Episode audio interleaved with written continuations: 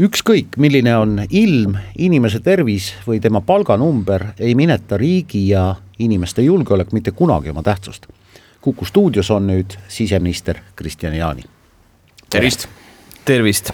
vaatasin äh, valitsuse kodulehte ja leidsin, et äh, Majandus- ja Kommunikatsiooniministeerium, Haridus- ja Teadusministeerium ning äh, Siseministeerium ei ole kooskõlastanud riigikaitse arengukava aastateks kaks tuhat kakskümmend üks kuni kaks tuhat kolmkümmend, et kas see on protseduuriline küsimus teie vaates või on siin põhjused sisuliselt? Noh, ta on äh, loomulikult nii protseduuriline kui ka sisuline, aga pigem on jah küsimus selles, et äh, kui me räägime konkreetselt äh, mittesõjalistest arendusvajadustest, siis tõepoolest, et mittesõjalised arendusvajadused võiksid olla paremini adresseeritud ka konkreetsete indikaatoritena, aga veel kord, ega riigikaitse arengukava on väga hea dokument, väga hea arengu läbi teinud, viimased üksteist aastat on laiapindne riigikaitse väga konkreetselt seal sees olnud, ehk siis mitte ainult sõjalise kaitse pool, vaid ka kogu laiem riigikaitse pool, nii et aga see, et on esitatud märkuseid, see on loomuliku protsessi osa kuskil saadakse kompromissid, kuskil mitte, see ei tähenda, et kõik seljad koos ei tagaks seda, et riigikaitse arengukavas toodud olulised tegevussuunad, eesmärgid täidetud saaks. mis selles äh, riigikaitse arengukavas siis äh, need sisejulgeoleku, teie valdkonda puudutavad põhipunktid on? no ma isegi ei tahaks rääkida väga sisejulgeolekust kui iseenda või ütleme, siseministeeriumi valitsemisala punktidest. sest kui me räägime laiapindsest äh, riigikaitsest, äh, siis seal on sõjaline kaitse, kõik saavad aru, mis on sõjaline kaitse. aga kui me räägime laiapindsest riigikaitsest, siis ei ole ainult sõjaline kaitse, vaid tõepoolest, seal on sisekaitse, millest võiksin rääkida mina, seal on küberjulgeolek, seal on äh, strateegiline kommunikatsioon, seal on rahvusvahelised suhted aga kui ma räägiks tõepoolest nüüd ainult äh, sisekaitse poole pealt ja millised on võib-olla need kohad, mida tõepoolest on vaja arendada, näiteks objektikaitse, näiteks äh, mereseire äh,, näiteks äh, erinevad äh, julgeolekualased äh, arendused, millega meil puutuvad kokku julgeolekuasutused, nii et neid arendusvajadusi on, on loomulikult, on olemas. ma olen täiesti veendunud, et suur osa inimesi ähm, neid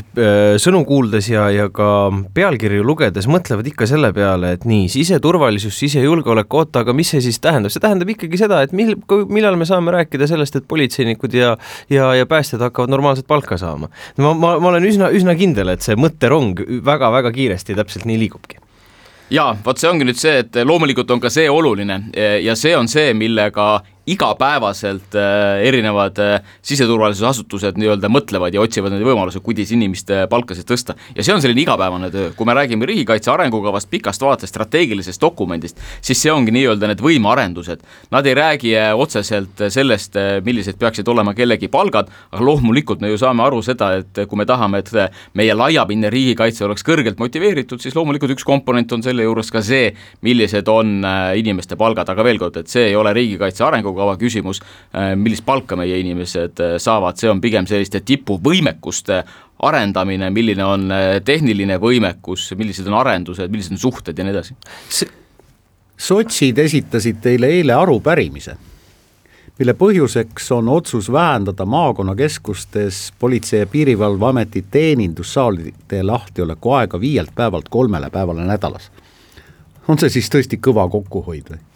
See on äh, kokkuhoid igal juhul, kui me räägime sellest, äh, kui kiiresti jookseb ära meie keskmine palk järgnevatel aastatel. kas saab kokku seda, hoida inimeste teenindamise arvelt? see on ainult üks komponent sellest, kust kogu äh, kokkuhoiu nii-öelda osakaal tuleb, aga kui me räägime sellest, et äh, osad teeninduskeskused äh, lähevad nii-öelda väiksemale osakaalule, millal nad lahti, siis on seotud ka tegelikult sellest, et inimesed on hakanud rohkem äh, läbi netikeskkonna taotlema nii dokumente kui ka nii-öelda broneerima aegasid, saama ka kätte. nelikümmend protsenti on tõusnud see osakaal, mis inimesed äh, nii-öelda kasutavad netiruume, ehk siis tegelikult äh, noh, me oleme ka tahtnud seda, et inimesed lähevad rohkem nii-öelda digiriiki, ehk siis läbi digiteenuste äh, saavad endale taotleda dokumente, saavad broneerida aegasid ja nii edasi ja see on ka üks selline noh,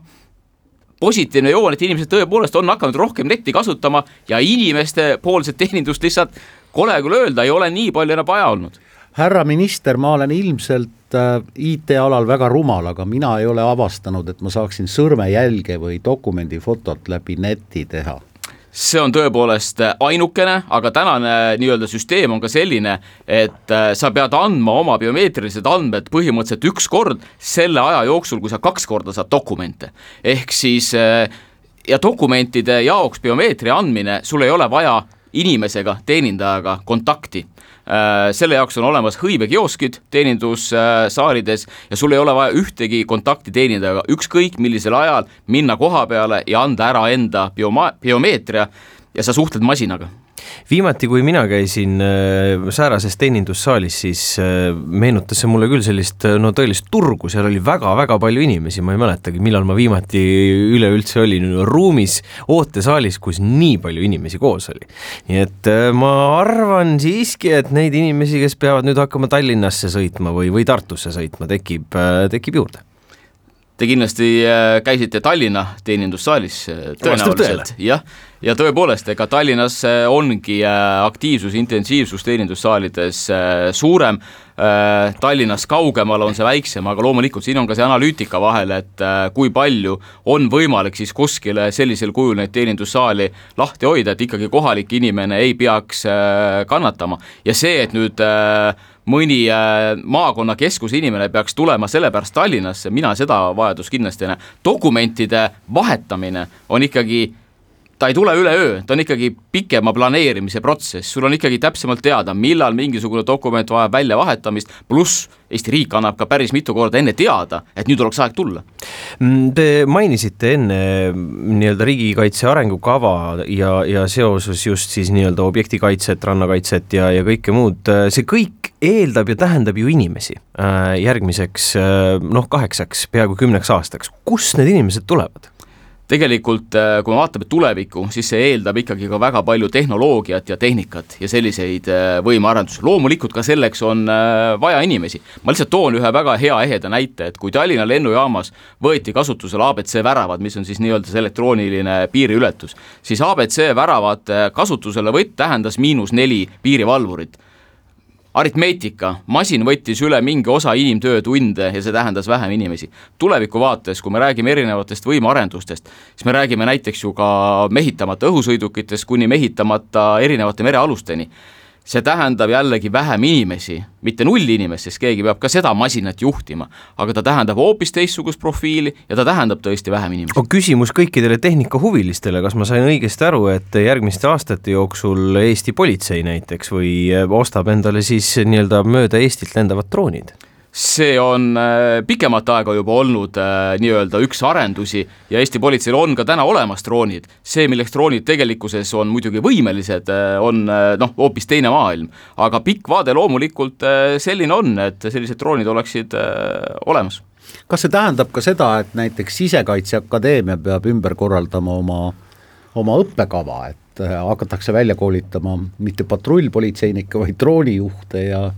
ja keda veel? Absoluutselt, pole küsimustki, et kas seda õpetab välja tulevikus Sisekaitseakadeemia või äh, Lennuakadeemia, annab äh, ja ka juba täna annab seda nii-öelda haridust, see on nagu iseküsimus, aga loomulikult, et tuleviku õpikeskkond ja see, millist profiili tulevikus äh, vaja on, see ei ole kindlasti see, mida, mis ta täna on, tulevikus on see kindlasti teistsugune ja kõik meie kõrgkoolid, sealhulgas meie Sisekaitseakadeemial loomulikult peab kaasas käima sellega,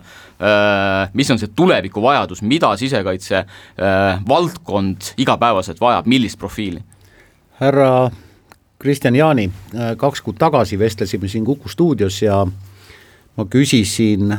teilt küsimuse, mida lugesin ajalehest, et piiriületust kontrollivatel ametnikel pole mobiiltelefone ja sinna laetud rakendust, mis koroonasertifikaate kontrollib, kas nüüd on?